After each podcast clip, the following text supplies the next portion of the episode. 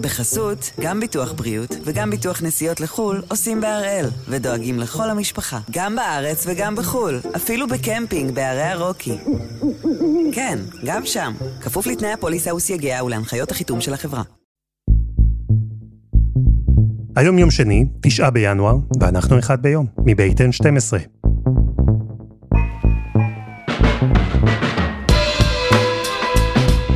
אני אלעד שמחיוף, ואנחנו כאן כדי להבין טוב יותר מה קורה סביבנו, סיפור אחד ביום, בכל יום.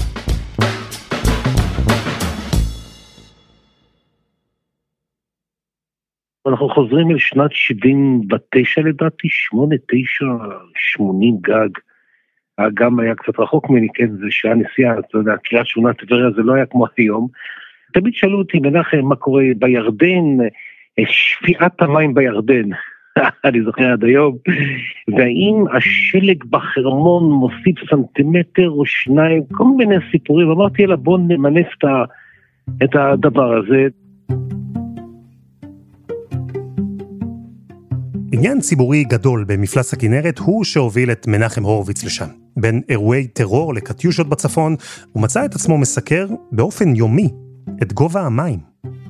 היה אז בחור משיכון ד' בטבריה שהתפקיד שלו היה לרדת לכנרת והוא עם איזשהו מוט ליד מלון גלי כנרת היה מודד את uh, גובה המפלע, זה לא כמו היום שכל טכנולוגי. באמת אנחנו שמחנו מאוד uh, יחד איתו לעלות ולהוריד את uh, מפלס הכנרת ואני אגיד לך את האמת, בינינו אני אף פעם לא הצלחתי להבין מה הדרמה, אבל אנשים באמת נכנסו לחרדות, כלומר זה באמת ריתק אותם. הבחור משיכון ד' בטבריה שהחזיק את המוט הוא אולי לא השיטה הכי מדעית והכי מדויקת, אבל במהלך השנים, את מה שקרה לכנרת, מנחם היה יכול לראות אפילו בעיניים. אנחנו מדברים על שנים שיהיו שנים מאוד מאוד קשות, ומפלס הכנרת ירד אל מתחת לקו השחור, ובאמת אה, אתה היית יכול לצעוד אה, עשרות מטרים מקו המים הקודם עד למפלס הנוכחי. אני זוכר מול קיבוץ מעגן לדוגמה, אנחנו יצרנו אה, כן אי. שפשוט אה, פתאום ראינו אי שלם בתוך הכנרת והבנו שהמפלס מאוד מאוד נמוך וגם, אני זוכר גם רפול אז רצה להפסיק שאנחנו לא נשקיע יותר את הגינות, כלומר היה, והתייחסו מאוד ברצינות למאגר המים אה, של מדינת ישראל שממנו שתו רבים וטובים, גם צריכים לזכור שהכנרת זה לא רק היה מאגר המים של מדינת ישראל, זה גם היה משהו שקשור לתיירות. אז מנחם, אפשר לומר שלכנרת יש חלק מאוד משמעותי בחיים שלך, המקצועיים בטח, אולי גם האישיים? תשמע אלעד, אנחנו מכירים אה, שנים רבות, נגדיר זאת בזהירות, אני התפרנסתי יפה מאוד מהכתבות על מפלס הכנרת עולה יורד עם כל המשמעות שלו, באמת. שליש מהבית שלי בקריית שמונה בניתי סביב הדרמה, סביב אה, מפלס הכנרת, המפלס עולה, המפלס יורד ועוד, אתה צודק לחלוטין.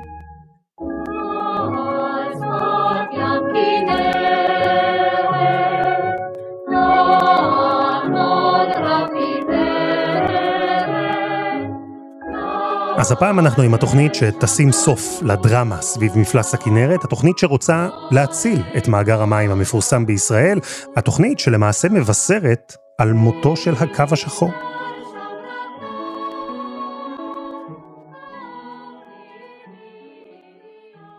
אני נכנסתי לתפקיד ביוני 2017, כבר אני אחרי ארבע שנות בצורת רצופות, הכנרת במצב מאוד לא טוב, המפלס מאוד נמוך. גיורא שחם ודאי קיווה שישחק לו קצת המזל. הוא נכנס לתפקיד מנהל רשות המים בעיצומו של משבר מים. ואחרי ארבע שנים רצוף בלי גשם, הוא חשב לעצמו, מה הסיכוי שזה יקרה גם בפעם החמישית? ואז אה, מגיע אליי מנהל השירות ההידרולוגי כדי להציג לי את התחזית העונתית. והוא אומר שהמודלים המטאורולוגיים האלה מצביעים על אפשרות שהחורף הבא, החמישי במספר, יהיה חורף שחון, ואם באמת התחזית הזאת תתממש, היא תביא את אה, משק המים לקצה גבול היכולת אספקת המים, התקינה. הסבירות לבצורת שנמשכת חמש שנים רצוף היא סביב שני אחוזים. אז מזל לא היה לו לגיורא, להפך. במושגים של כניסה לתפקיד חדש, זו כנראה הייתה כניסה מאתגרת במיוחד. יש לנו שלושה מקורות מים טבעיים בישראל. זאת הכינרת, אקוויפר ההר ואקוויפר החוף. עכשיו, ברגע שיש לך שנת בצורת ועוד שנת בצורת, ואתה קורא מים גם מהכינרת וגם מהאקוויפרים, והמפלסים יורדים, כי שנת בצורת הם לא חוזרים, אין גשם שנופל מהשמיים, שממלא גם את הכינרת וגם את האקוויפרים. והגענו למצב, באותו קיץ 2017, עם תחזית לעוד שנת בצורת, שאנחנו מגיעים לקווים, לקו השחור בכינרת. מה זה הקו השחור? זה מפלס ברום של מינוס 215 מתחת לפני הים, שמתחתיו כבר אי אפשר לשאוב, ולכן המשבר הזה המתמשך בתחילת התפקיד הביא אותי לתובנה שנדרש פה מהלך אסטרטגי, שיביא לשינוי מהותי בדרך שבה נערכים למצבי קיצון. יחד עם גיורא עבד אז ברשות המים גם דוקטור אמיר גבעתי, היום מומחה אקלים והידרולוגיה מאוניברסיטת תל אביב. גם הוא נכח שם באותן פגישות שבהן בכירי רשות המים תפסו את הראש וניסו למצוא פתרון שיציל את הכינרת. ימה שכולם ידעו, נמצאת כבר שנים במגמת התייבשות בעייתית. אז נכון, הכינרת היא מאגר טבעי, נמצאת בשבר הסורי-אפריקאי, מאגר צעיר יחסית של כמה אה, עשרות אלפי שנים, אבל היא מתמלאת באמת מ... שלג שיורד בחרמון, ואותו נגר, כן, זרימה בנחלים, בעיקר נהר הירדן, נהר הירדן זה מקור המים המרכזי לכנרת, אבל כאשר אנחנו מסתכלים משנות ה-70, משנות ה-80, הכנרת לא יציבה. המפלס נמצא בירידה, כמות המים שנכנסת לכנרת, שזה אולי הנתון החשוב, אה, נמצא גם הוא בירידה, ורמת המליחות בכנרת עולה. כך שכשאנחנו מסתכלים ב-20-30 שנים האחרונות, היו שנים באמת קיצוניות של קווים שחורים, קווים אדומים, אבל ככלל, כמגמה, פחות ופחות גשמים באגן הכנרת ופחות מים, מים טבעיים נכנסים לכנרת. ככל שעבר הזמן, הכנרת הפכה ליציבה פחות ופחות. ההתחממות הגלובלית ושינויים אקלימיים, הם הפכו את המפלס שלה לנמוך יותר ולעיתים תכופות יותר. המפלס הכי נמוך שנרשם בהיסטוריה של הכנרת, ויש לנו כמאה שנות מדידה, קרה בדצמבר שנת 2000, לפני כ-20-22 שנים. הכנרת נמצאת במצב הקשה ביותר מאז החלו למדוד את מפלס המים בה. הבעיה חמורה במיוחד לאור העובדה שעונת הגשמים כבר הסתיימה. אחד הגורמים... אז הגענו למה שאנחנו קוראים קו שחור, שזה מטר 87 מתחת לקו האדום, שזה באמת מפלס נמוך. היה גם עוד גל כזה מ-2008. ישראל מתייבשת, ולא רק ישראל. וזה לא רק שנת בצורת, וגם אם יהיה חורף גשום, זה לא יספיק. כי ישראל מתייבשת, ואין, פשוט אין לנו מים לבזבז. ושוב קרה בבצורת הגדולה של ישראל מתייבשת, הייתה לנו תקופה באמת חסרת תקדים של חמש שנים מעוטות משקעים בין 2013 ל-2018, ואז הגענו קרוב לקו השחור. כלומר, אם אנחנו מסתכלים ב-20 שנה האחרונות, היו לנו שלושה פיקים שליליים כאלה, נקרא לזה, שכל פעם הגענו באמת הרבה מתחת לקו האדום, וגם המפלס נשאר מתחת לקו האדום, זה לא שהוא ככה ביקר בו בסוף הקיץ ובחורף הגיעו גשמים, היו לנו שנתיים, שלוש רצופות של אה, מפלסים נמוכים של קו שחור מתחת לקו האדום. זו בעיה גדולה שהכנרת הפכה למקור שאי אפשר לסמוך עליו, שהלך והתרוקן, שאיכות המים בו נפגעת, כי אין תחלופה וריכוז המלח עולה, ובהקשר הזה יש בשורות טובות עבור משק המים של ישראל, כי הכנרת היא כבר ממש לא מה שהייתה פעם. בעבר, עד שנות ה-70, הכנרת סיפקה, דרך המוביל הארצי, 40 אחוז מצריכת המים במשק המים, שזה נתון באמת פנטסטי, כמעט חצי, מחצית מהמים הגיעו מהכנרת, היום זה ממש לא כך.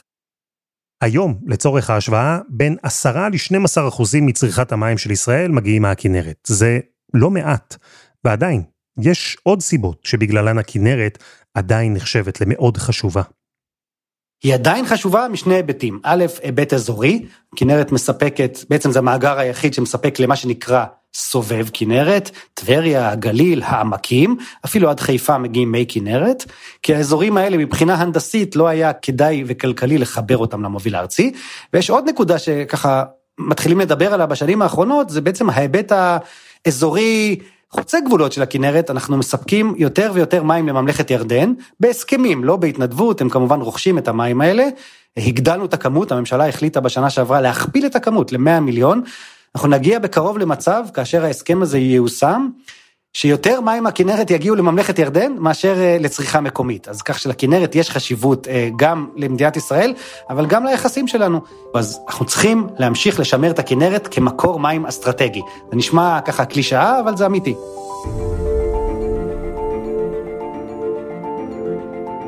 חסות אחת וממש מיד חוזרים.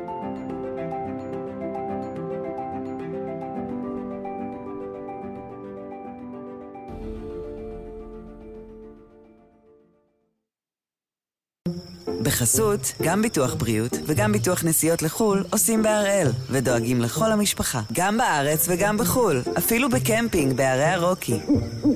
כן, גם שם, כפוף לתנאי הפוליסה וסייגיה ולהנחיות החיתום של החברה. אנחנו עם התוכנית שיצאה בימים האחרונים לדרך, התוכנית להצלת הכינרת. וההבנה שצריך תוכנית כזו, הגיעה אחרי שנים שבהן בישראל הבינו שהדרך לקטסטרופת מים לא מאוד ארוכה, אולי בלתי נמנעת, ושאי אפשר לסמוך רק על הטבע ורק על הכינרת. וכמו שגיורא שחם, לשעבר ראש רשות המים, הסביר לנו, ההבנה הזו לא קרתה רק בגלל משבר האקלים והבצורות. עד לפני 30-40 שנה, כשהיינו פה 3-4 מיליון uh, תושבים בישראל, אז המים הטבעיים הספיקו, אבל האוכלוסייה גדלה, ואתה צריך להוסיף כל הזמן עוד ועוד מים. ואז הוקמו מפעלי התפלה, שבהם לוקחים מי ים והופכים אותם למים שאפשר לשתות. והמפעלים האלה צמצמו מאוד את התפקיד שמשחקת הכנרת במשק המים הישראלי. אלא שגם שם בהתפלה יש מגבלות, אי אפשר פשוט להתפיל כמה שרוצים. לא מתכננים את uh, כמות ההתפלה לאירוע שנדיר בהסתברות של 2%, של 1 ל-50 שנה. כמו שאנחנו לא מתכננים את הבית שלנו לרעידת אדמה של 10 בסולם ריכטר. אתה לא יכול לתכנן, זה, אנחנו לא נעשה פה אה, אה, אה, מיליארדים של קובים של התפלה ש... והמתקנים יעמדו, אנחנו יודעים כמה זה עולה, במיוחד במשק מים תעריפי סגור כמו בישראל, שאתה ואני בבית משלמים את מלוא העלויות שלהם. ולכן, הניהול הסיכונים האלה, הוא צריך להיעשות בפרופורציות מתאימות, אבל אנחנו הגענו במצב הזה ב-2017-2018, למצב שבו אמרנו, תשמעו, את הכינרת חייבים לשמר כאוגר אסטרטגי של מדינת ישראל, ולכן אנחנו גם בהסתברויות נמוכות לא יכולים להרשות שהיא תגיע שוב לקו השחור. התפלה זה תהליך מורכב ותהליך יקר, ולכן בישראל הלכו על מודל גמיש, כלומר מתפילים כמה שצריך לפי המצב של המאגרים הטבעיים. כשאין מים בכנרת, מתפילים יותר, כשיש מים, אפשר להתפיל פחות. ומה שגיורא הסביר זה שבכל תרחיש במודל הגמיש הזה, לא לקחו בחשבון מצב קיצון שבו במשך חמש שנים רצוף לא יהיה גשם. אי אפשר לתכנן משק מים על בסיס מקרי קיצון כאלה. ויותר מזה, יש מקרים שבהם אי אפשר יהיה להתפיל מים, במצב של זיהום בים לדוגמה. ובמציאות שבה האוכלוסייה בישראל גדלה כל הזמן, חייבים לספק לה עוד ועוד מים. אין מקורות רזרבים. במציאות הזו בשנת 2017, גיורא ורשות המים הגיעו למסקנה שחייבים להציל את הכנרת, וכך נולדה התוכנית שתעשה את זה. כל הרעיון הוא לא לאפשר לכנרת להגיע למפלס הנמוך הזה שהיא הייתה בו לפני כמה שנים. ברגע שיגיעו עוד שנות בצורת והכנרת תתחיל לרדת מתחת לקו האדום, יש עוד קו מעל הקו השחור שהוא הקו האדום, זה שני מטר מעל 215, במינוס 213, ברגע שזה יגיע, לה, יתקרב לאזורים האלה, יתחילו להזרים את מי המערכת אל הכנרת. התוכנית שעלתה אז רצתה להפוך את המצב שקיים כבר עשרות שנים. אם בישראל עד אז שאבו מים מהכנרת והעבירו אותם דרך צינורות המוביל הארצי לרחבי המדינה, אז עכשיו ייקחו מים ממתקני ההתפלה, יהפכו את הכיוון של המוביל הארצי ויעבירו מים אל הכנרת. במקום שהיא תהיה מאגר מים טבעי שמספק מים שנוצרו מגשם ושלג, הכנרת תהפוך למאגר שיקבל חלק מהמים ממפעל. נכון, אבל זה מקור מים, כמו שהיום הכנרת מתמלאת מהירדן, ומנחל יהודיה, ומנחל אה, זוויתן, ומנחל משושים. יש עוד נחל, והמים יזרמו בנחל, וייכנסו לתוך הכנרת כאילו הם מי נחל טבעיים. אז תראו, אני יודע שעד עכשיו דיברנו על כמה זה חשוב להציל את הכנרת, אבל כשהתוכנית הזו עלתה לדיונים, לא היה סביבה קונצנזוס. כל הסיפור הזה של להעביר מים מותפלים לכנרת, זה מאוד יקר. שני שקלים לקוב, זה אומר שרק ההעברה של המים יכולה לעלות עשרות מיליונים בשנה. זה פרויקט עצום. ואמיר גבעתי, שהיה שם, הוא מסביר שזה פרויקט ייחודי, פרויקט שלא קיים במקומות אחרים. לא, חד משמעית אין את זה, זה באמת המצאה ישראלית, ועוד פעם, גם פה אפשר לראות את זה בשני כיוונים, מישהו יגיד, וואו, איזה טכנולוגיה, לשקם מקור מים באמת טבעי, מישהו אחר יסתכל על זה בעיניים אחרות ויגיד, מה, משוגעים, מה אתם שופכים מים טובים, שיש מקומות בעולם שהיו שמחים אה, לשתות מהם, אתם שופכים את זה לתוך אגם רק כדי להעלות את המפלס שלו. ובאמת היו אז את מי שאמרו, עזבו, תנו לכנרת להסתדר לבד, עם הגשם ועם השלג, להפך, בואו נצמצם עוד יותר את התלות שלנו בה. במקום לקחת מים מותפלים ולהזרים אותם אליה, ואז ממנה ללקוחות, בואו ניקח את המים האלה ונזרים אותם ישר ללקוחות. היו כאלה שחשבו בזמנו על חלופה אחרת, שאולי להביא את המים בצינור ישירות לטבריה, מים מתוקים, כך שטבריה תרוויח באמת מים באיכות הרבה יותר טובה, וגם אחר כך שנשתמש בזה כמי קולחין לחקלאות, האיכות תהיה הרבה יותר טובה. לא נאבד מים בחלחול או בהתאדות, ואולי אפילו נביא את זה ישירות לחקלאים בעמק החולה, נשחרר את מתקני השאיבה שהיום קיימים במעיינות לאורך הירדן, ניתן לירדן לזרום, נרוויח גם ככה אה, גאולה של הירדן ומים שיהיו יותר טובים שיגיעו לכנרת, ובעצם נשיג את האפקט הזה בצורה יותר טבעית. זה צריך לזכור גם שלדבר הזה יש, יש מחיר. כמובן שאנחנו צריכים לדאוג לכנרת ולשמור אותה מאגר מים, ואמרנו שזו החלטה אסטרטגית, אבל יש לזה עלות, המתקן הזה עלה כמיליארד שקלים, וכל קוב מים עולה שני שקלים. אז מבחינת עלות תועלת, דעתי האישית היא שזה אה, נדרש, בטח לאור התחזיות לעתיד, אבל עדיין צריך לקחת בחשבון שאנחנו משלמים את זה, אני ואתה בחשבון המים, ורק לאחרונה התבשרנו בתחילת השנה שהחשבון עלה בלמעלה משלושה אחוזים, אז זה פרויקט אה, חדשני, הנדסי ובאמת אה, ככה פורץ דרך, אבל כל דבר צריך לשים גם את תג המחיר, ומישהו צריך לשקול בסוף עלות מול תועלת. וכאן יכול להיות שנכנס שיקול נוסף. ברשות המים מסבירים שהרצון להציל את הכנרת הוא כי מדובר בנכס אסטרטגי, עוד מאגר למקרה שתהיה בעיה במפעלי ההתפלה. נכס שמשפיע על היחסים שלנו עם ירדן ובאזור בכלל. אבל יכול להיות שהתוכנית השאפתנית הזו והיקרה הזו להציל את הכנרת היא לא רק בגלל התפקיד של הכנרת, אלא גם בגלל מה שהיא מסמלת. מאוד יכול להיות, כי הכנרת היא מדד למצב הרוח הלאומי, ואין דבר כזה במקומות אחרים בעולם. אין אגמים שיש להם קווים אדומים, וזה מתפרסם בתקשורת, וכל יום בעיתון אפשר לראות את מצב המפלס. ופה באמת, זה ממש חלק מה, מהמורל הלאומי לא לרדת לקו אדום, כשהכנרת נמצאת בשפל, אז זה משפיע על התיירות, ומשפיע לא רק על משק המים, אלא באמת על היבטים אחרים. אני, אני אפילו זוכר מכתבים שקיבלנו מהוותיקן בתקופת הבצורת, אה, מה קורה לאגם של ישו, ככה הם קוראים לזה בוותיקן, ממש ככה, כי הם קראו בעיתונים שהמפלס יורד, אז אין ספק שיש פה רגישות. אה, אני חושב שאת הפטיש הזה, אני קורא לזה פטיש, לצינור הזה, צריך להשתמש בו, אבל באמת במשורה. אה, טוב שבנו את היכולת, טוב שחברת מקורות הכינה את התשתית, אבל להשתמש בה רק שבאמת צריך, רק שבאמת המדדים ויש חוקרים שיודעים להצביע על זה, מראים שאנחנו באמת במצב, מה שנקרא להרים דגל אדום, מבחינת רמת המליחות, מבחינת האקולוגיה, לא בכל שנה. כי בכל זאת זה באמת לשפוך מים טובים לאגם אה, ולאבד בדרך מים, אז להשתמש בזה רק אם באמת האקלים, כמו שאולי אתה חווה עכשיו באירופה, משתגע לגמרי ואין לגמרי גשמים, מאוד יכול להיות שזה יהיה בשנה הבאה, כי החורף הזה הוא שכון, הרבה יותר שכון ממה שחשבו בהתחלה, אה, ואם גם שנה הבאה תהיה בצורת, אז נצטרך להשתמש ביכולת הזאת. אבל זה לא האלטרנטיבה היחידה, ויכול להיות שבאמת צריך לשקול עדיין גם לעתיד אפשרויות להביא את המים ישירות למי שצריך את המים, ולא בהכרח ישירות לכנרת. כך או כך, זו ההחלטה שהתקבלה. ובימים האחרונים המים המותפלים התחילו לזרום לכיוון ההופכי, מהמפעל לכנרת. ומעכשיו, בכל פעם שמפלס הכנרת ירד לרמות נמוכות, הברז ייפתח ומים מותפלים ימלאו את האמבטיה הזו בחזרה. ריכוז המלח בכנרת ירד, תהיה תחלופה של מים, ויהיה מאגר לשעת חירום. ובעיקר, יצא מהלקסיקון המושג שבמשך עשרות שנים הפחיד ממש את הישראלים. הקו השחור. נכון. נגיע לקו השחור בהסתברות מאוד מאוד נמוכה, או בוא נגיד, ההסתברות להגיע אליו היא, היא מאוד נמוכה. אי אפשר להגיד שלא נגיע, כי אף אחד לא יכול להתנבא ולנבא את העתיד, ואת השינויים, התמורות האקלימיות שיהיו, אבל אה, יש לנו היום כלי שאנחנו יכולים למתן, לא רוצה להגיד לבטל, אבל למתן את ההשפעות האקלימיות. שמע, זו הרגשת אה, סיפוק גדולה.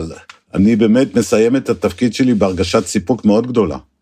א', הכנרת נמצאת כיום כמעט במיטבה, והתרופות שרשמנו לחולאים שלה, עוד יגבירו את הבריאות שלה, ואני מאוד מקווה שאלה שבאים אחריי ימשיכו לעמוד על משמר הכנרת שכל כך חשובה למשק המים הישראלי.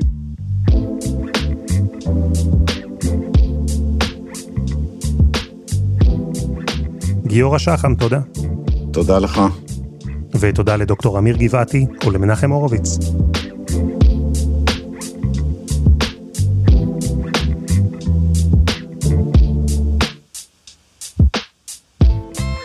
וזה היה אחד ביום של N12. אנחנו מחכים לכם בקבוצה שלנו בפייסבוק, חפשו אחד ביום, הפודקאסט היומי. העורך שלנו הוא רום אטיק, תחקיר והפקה רוני ארניב, דני נודלמן ועדי חצרוני. על הסאונד יאיר בשן שגם יצר את מוזיקת הפתיחה שלנו, ואני אלעד שמחיוף. אנחנו נהיה כאן שוב, גם מחר.